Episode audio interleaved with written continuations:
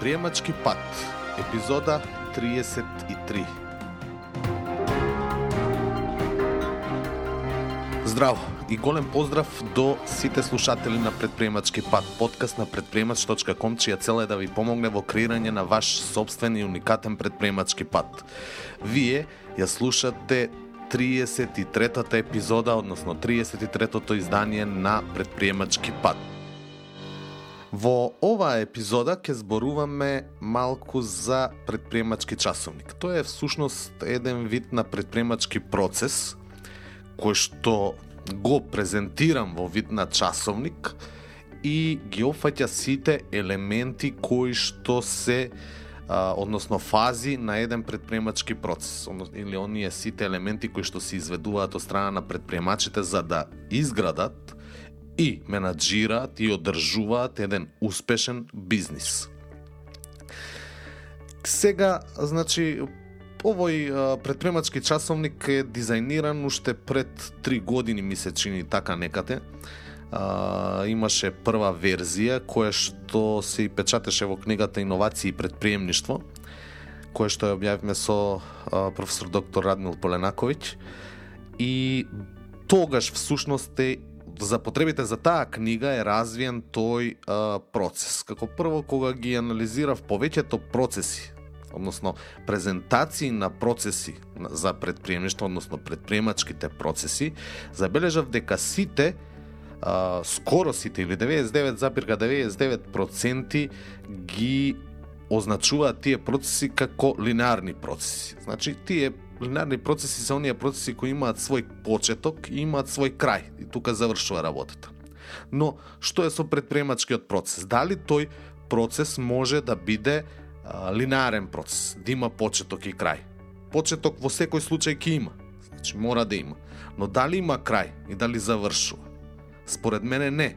Значи доколку заврши процесот, значи веќе не е предприемачки процес. Значи веќе а, креаторот на тој предприемачки процес веќе нема да биде предприемач, нема да има бизнис, нема да има компанија, значи едноставно запира процес.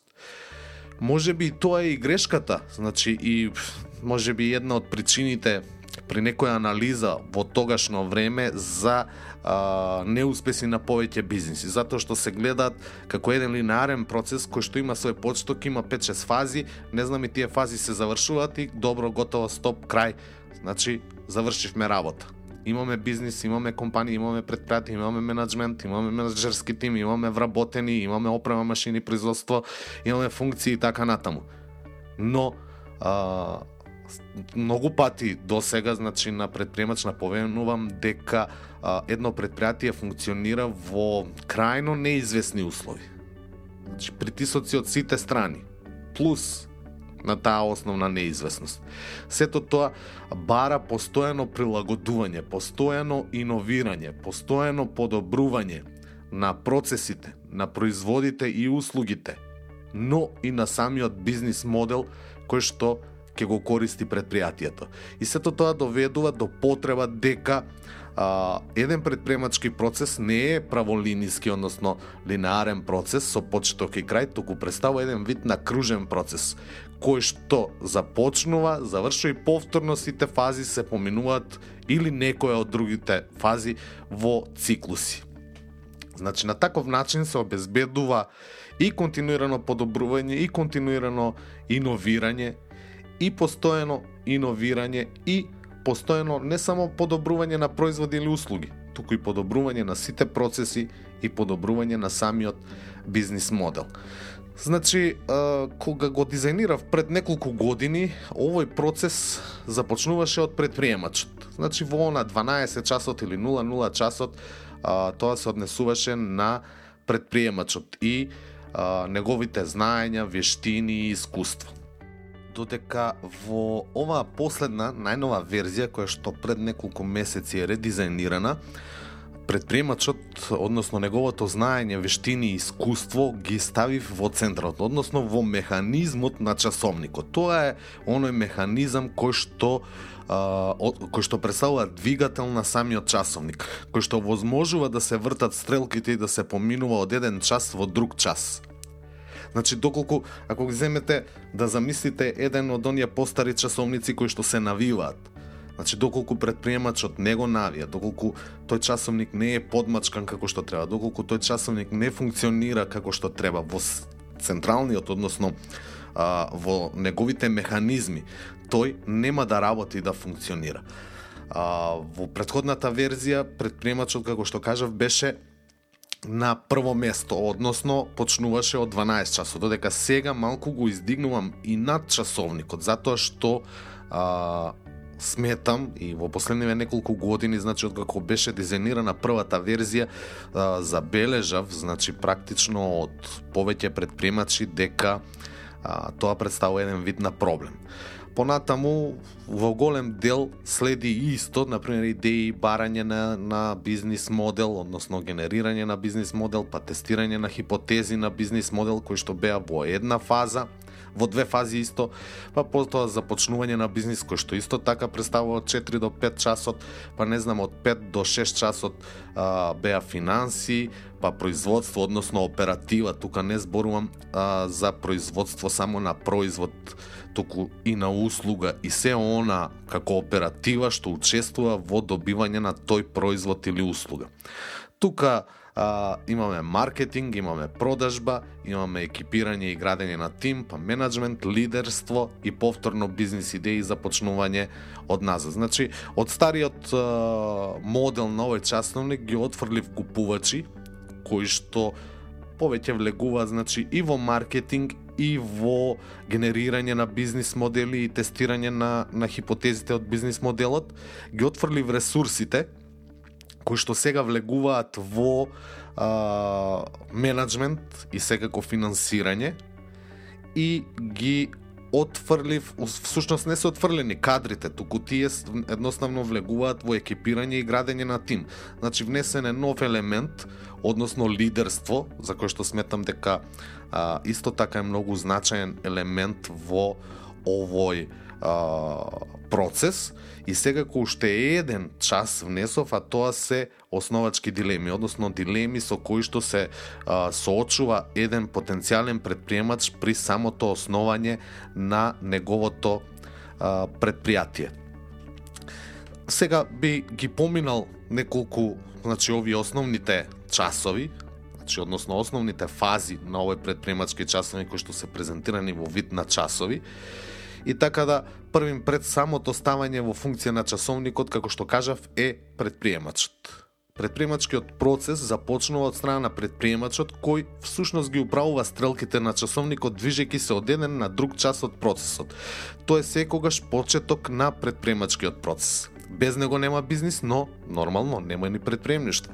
Тој има собствени идеи и карактеристики, како знаење, искуство, погледи кон светот, способности, не знам, креативност и така натаму. Значи, овој а, сегмент од процесот, односно овој а, пред вклучување на часовникот да работи и да врти, а, представува личен развој на самиот предприемач. Додека, понатаму кога ќе почнеме од 0 часот, од 12 до 1, тоест првиот час, ќе има за цел веќе постигнатото ниво на личен развој да го претвори во можни бизнис идеи. Значи, втори, првиот час од часовникот е од 12 до 1 или од 00 до 01 часот, а тоа е бизнис идејата. Бизнис идејата започнува значи од почетокот и трае еден час од предприемачкиот часовник. Во овој час се раѓа самата бизнис идеја, односно идеите и карактеристиките, односно знаење, вештини и искуство на самиот предприемач во овој час се трансформираат во една или повеќе бизнис идеи.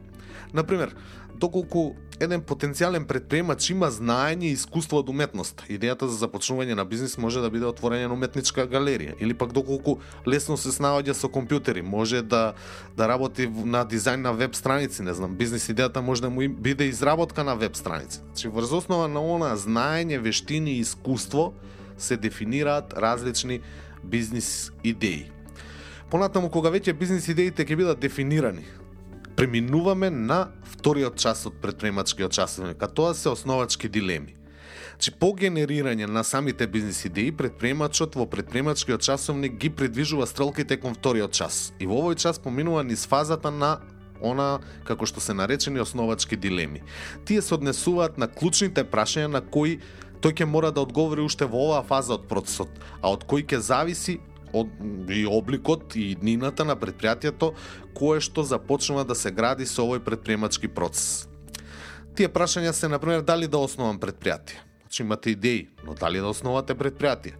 Тоа се состои а, од доверба на потенцијалниот предприемач во собствените силни страни, но и во потенцијалот на самата бизнис идеја која е предмет на започнување на бизнисот. Затоа и го користам терминот бизнис потенцијална енергија, значи и во фазата кога се генерираат бизнис идеи и анализираат тие бизнис идеи. Понатаму второто прашање е доколку основам предпријатие, дали самостојно да го основам? Кога ќе се разреши првата дилема, значи се одлучува дека ќе се започне бизнис, односно ќе се основа предпријатие, доаѓа втората дилема, односно дали самостојно да се тргне во започнувањето или да се бараат партнери уште во стартот. Добрата самоанализа. Значи на самиот предприемач ќе покаже кои се слаби страни на потенцијалниот предприемач и ќе даде одговор дали треба и каков профил на партнер ќе биде потребен за бизнисот кој се започнува. Партнерите може да се искористат за зголемување на финансиски средства за започнување на бизнисот. Или пак не знам да донесат некое дополнително знаење, вештини и искуство во самата компанија кои самиот предприемач ги нема. Значи потребно е добро да се размисли и во однос на овие прашања. Понатаму третото прашање во основачки дилеми е доколку имам соосновачи, односно партнери, каква ке, какви ќе бидат односите нивните улоги и кои ќе бидат нивните награди, односно зошто тие ќе бидат дел од нашата компанија и што ќе добијат за тоа. По втората, значи дилема, следува и оваа трета дилема. Доколку втората се разреши со избор на започнување на бизнис со соосновачи, односно партнери. Прашањето е какви односи ќе постојат меѓу соосновачите, кој за што ќе биде одговорен и кој колку ќе доби од колачот на предпријатието кое се раѓа. Значи тука веќе ќе се направи договор за да се поделат а, не само а, задачите и, и, и проектите кои што ќе треба да се спроведат, туку исто така и заработката како ќе се дели од самото предпријатие. Понатаму, а, третиот час кој што е од 2 до 3 часот, представува генерирање на бизнис модели. Значи, собствените карактеристики, имањето на една или повеќе бизнис идеи и одлуките во однос на основачки дилеми не значат дека ќе постои бизнис. Бизнисот постои само тогаш кога веќе има купувачи за неговите производи или услуги или кога веќе со сигурност ќе се знае дека на пазарот постојат потенцијални купувачи кои имаат потреба од таков производ или услуга и нормално спремни се да платат онолку колку што предпремачот сака да наплаќа за нив. Затоа следниот час од предпремачкиот часовник ќе се потроши во генерирање на бизнис модели. Значи, во овој час предпремачот ќе генерира повеќе бизнис модели за бизнис идеите кои ги има изработено во првиот час. Значи, овде а, се поставуваат а, хипотезите, односно предпоставките за бизнисот кои ќе се тестираат во следниот час од процесот. Нема да навлегувам во детали што содржи бизнис модел, можеби во некоја друга прилика а, на предпремачки пат подкастот ќе зборувам за тоа, иако можете да побарате на, на предпремач.com, ги имам опфатено значи основните девет елементи на бизнис моделот. Понатаму кога ќе се генерираат значи бизнис модели, следува четвртиот час, односно од 3 до 4 часот, а тоа се тестирање на тие предпоставки.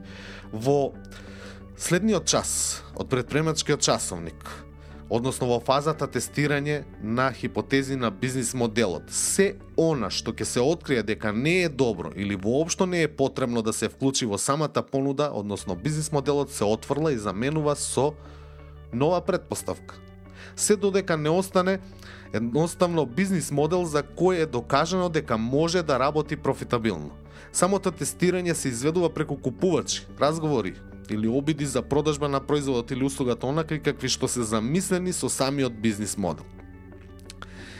Сега веќе кога ќе бидат истестирани, значи предпоставките имаме чист, сигурен бизнис модел, значи кој што ќе биде одржлив, со потенцијал за раст, кој што а, ќе биде стабилен бизнис модел и ќе се базира на факти, а не на предпоставки, можеме да преминеме во петиот час, односно од 4 до 5 часот, кога што одиме со започнување на бизнис. Значи, ова всушност представува притискање на копчето старт за започнување на бизнисот. Тоа значи дека бизнисот ќе се легализира, ќе влезе во правниот систем на државата и ќе започне со официјална работа. Во оваа фаза од предпремачкиот часовник едноставно се подготвуваат документите, се отвораат сметки, се добиваат потребни дозволи и одобренија за работа и се подготвува самото отворање на вратите на предпријатието. Сега доаѓаме, значи во следниот час доаѓаме до прашањето на финансирање, тоа е од 5 до 6 часот че завршување на петиот час и започнување на шестиот час од предприемачкиот часовник ќе бара финансии. Бизнисот веќе е реалност и тој постои. Но сега и трошоците за работа се зголемуваат. Секој месец треба да се обезбедат пари за плати, плаќање на придонеси, наемнини за канцеларии, наемнини за продажни простори, не знам, за репроматеријал, за опрема за производство и за се што е потребно за непречено одвивање на процесот на работата. Во оваа фаза од предпремачкиот часовник предприемачот се обидува да дојде до финансии кои ќе му овозможат непречено функционирање на бизнисот. Со обезбедување на финансии за нормално функционирање во оваа фаза од започнување на бизнисот, предприемачот навлегува во седмиот час, односно од 6 до 7 часот од предприемачкиот часовник, а тоа е производство, односно обезбедување дека производите и услугите ќе им бидат достапни на купувачите на пазарот. Че сето она што е дефинирано во предходните фази во однос на вредноста за купувачите, мора да биде реализирано и интегрирано во производот или услугата. Вложените финансиски средства се трошат, а производот или услугата а, е спремен за продажба на купувачи кои се спремни да платат за него. Ова фаза не значи само производство на физички производ, туку и дефинирање на производството, односно добивање на услугата. Сушност во оваа фаза се занимаваме со оперативната функција во предпријатието. Поминување на осмиот час од предприемачкиот часовник го потенцира значењето на маркетингот. Маркетингот е постојано активен во определени делови и сегменти на предходните часови од часовник, но сепак мора да биде потенциран како еден од најважните елементи за успех на еден бизнис. Че постојаната анализа на пазарот, привлекување на нови купувачи, развој на нови производи, контакти со купувачи, одржување на дефинираните односи со тие купувачи, слушање на купувачите и така натаму се само еден мал дел од активности кои ќе се спроведуваат во еден бизнис и ќе бидат одговорност на маркетингот, односно функцијата маркетинг во едно предпријатие. Во деветиот час, значи од 8 до 9 часот, целиот фокус се става на продажба, односно искористување на маркетинг активностите од предходната фаза за да се зголеми продажбата, со тоа и свежи приходи во пријатијето со што ќе се обезбеди нормално функционирање на истиот на истото, но и подготовка за следната фаза која ќе значи и прв раст на самото предпријатие. Веќе од 9 до 10 часот, односно со растот на бизнисот и растот на побарувачката, предпремачот навлегува во една нова фаза од предпремачкиот процес наречена како екипирање и градење на тим или започнување на самиот 10 час, од 9 до 10 часот од предпремачкиот часовник. Луѓето веќе стануваат вистинска потреба во бизнисот Предприемачот и основачите не можат сами, мора да започне со ширење на бизнисот преку зголемување на бројот на вработени. Кои вработени ќе бидат дел од предпријатието? Какви вештини се потребни? Како ќе се врши селекција или кои извори на потенцијални вработени ќе се користат се само дел од прашањата на кои ќе треба да се даде одговор во оваа фаза од предприемачкиот часовник. Но зголемување на бројот на вработени и растот на бизнисот го носат предприемачот во започнување на 11-тиот час од предприемачкиот часовник, а тоа е потреба од менеджмент.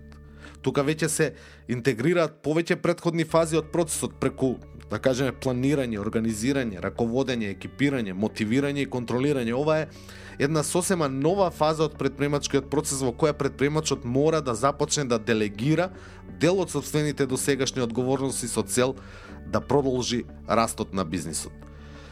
И секако на крајот од 11 до 12 часот кој што представува крај на процесот тоа е 12-тиот час и се фокусира на лидерство. Значи веќе не е доволен само менеджментот. Потребно е силно лидерство кое ќе обезбеди дека клучните човечки ресурси ќе бидат фокусирани кон реализирање на поставените цели на предпријатието.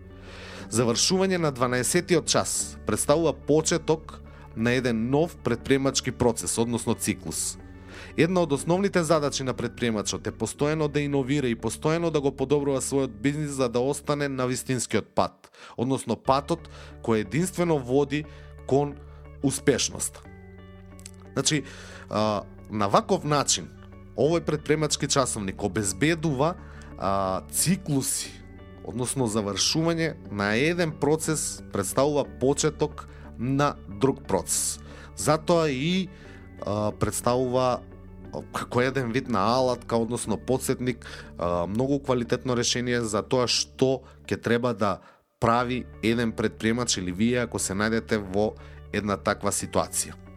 Значи тоа би било се што вака накратко би сакал да опфатам за овој а, поспецифичен начин на презентирање на еден предприемачки процес, кој што го нарекувам предприемачки часовник и кој што е дизајниран за оваа намена, сепак така да полека доваѓаме до крајот на ова издание на предпремачки пат и само за крај сакам сакал да најавам дека следната епизода ќе бара одговор на прашањето што да продавате, производ или време. Значи доколку имате прашања за оваа следна тема или пак прашања за било која тема која што би сакале да биде вклучена, значи како посебен а, подкаст или посебно издание на предприемачки пат, можете да оставите гласовна порака на предприемач.com подкаст прашања на сајтот. И нормално, исто така би бил благодарен доколку го оцените овој подкаст на iTunes, така ќе помогнете истиот да биде видлив за други луѓе, доколку веќе сте го сториле тоа на вистина ви благодарам. И се до следната епизода. Запомнете, вие сте креатор на вашиот предпремачки пат, се е во ваши раце. Голем поздрав и довидување.